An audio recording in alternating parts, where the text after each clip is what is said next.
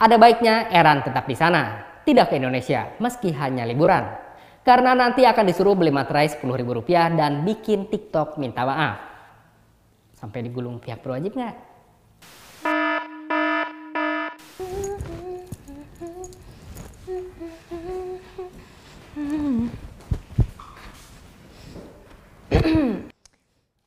Ayo, gue udah siap banget nih baca berita BBB. Ngandung Mister. Udah, gas aja langsung. Selamat datang di Berita Buru-Buru, terdepan dalam mengobarkan. Bersama saya, Vita Cili. Membahas kejadian terkini dengan buru-buru, sehingga Anda harus mencari referensi lain. Eh, tungguin gua. Ya udah sini, Nanti kalian aja lo. lama lagi. Nah, ketabrak. Kita ke berita pertama. Ritual mengusir genderuwo oleh pasangan suami istri di Temanggung berujung dengan korban nyawa. Dia adalah anak dari si pasutri itu sendiri. Aduh, nggak tega gue. Lo aja deh yang lanjutin. Ya, kenapa jadi gua? Lo masih utang ya 15 ribu kemarin. Eh, kirain gua ikhlas. Kayak gitu nggak tegala lagi. ah. Lanjutin. Baiklah, berita saya ambil alih. Sang anak baru ditemukan oleh keluarga dekatnya akhir pekan lalu.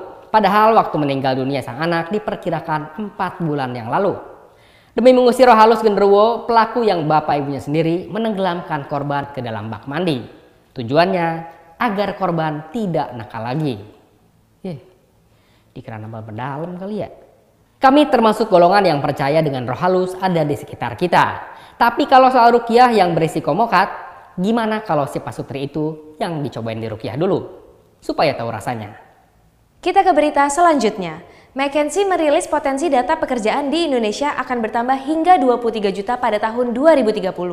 Pekerjaan baru yang muncul 9 tahun dari sekarang berbau kreativitas dan inovasi. Yeay, bisa dong gue bikin startup dari sekarang. Apaan? Bikin eh, lie detector buat politisi. Idealis sekali ya Anda ini. Iyalah, gue. Meski peluang pekerjaan puluhan juta, tapi McKinsey ingatkan ada beberapa posisi yang terancam tidak bisa diisi warlock alias warga lokal karena speknya yang nggak sesuai. Apakah ini jadi early warning?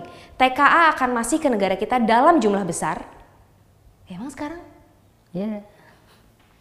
Kita ke berita selanjutnya. Dukungan kepada Palestina dan Israel atas konflik yang terjadi di kedua negara tersebut tidak hanya jadi urusan netizen Indonesia. Pemain bola profesional di Liga Eropa juga sama. Ya, sama-sama pengen nunjukin political stand. Yang terbaru, pemain PSV Eindhoven, Eran Zahavi sengaja mengedit foto pemain Manchester United dan Leicester yang pegang bendera Palestina untuk kemudian diganti dengan bendera Israel.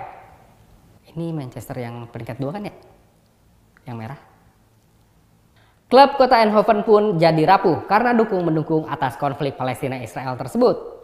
Ada baiknya Eran tetap di sana, tidak ke Indonesia meski hanya liburan. Karena nanti akan disuruh beli materai Rp10.000 dan bikin TikTok minta maaf. Sampai digulung pihak berwajib nggak? Kita ke berita selanjutnya. Kabar duka menyelimuti kita semua karena Aurel keguguran. Semangat ya Mbak Aurel.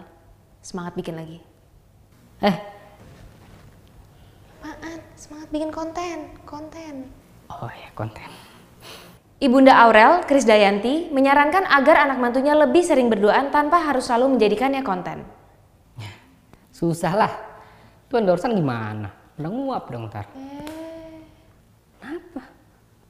Demikian berita buru-buru hari ini. Berita buru-buru membahas kejadian terkini dengan buru-buru. Mari kita berdoa agar Pak De dan jajaran masih bisa mengawal vaksin COVID dengan profesional. Karena kelola dana vaksin 77 triliun rupiah itu agak ngeri-ngeri sedap. Sampai jumpa di BBB edisi selanjutnya.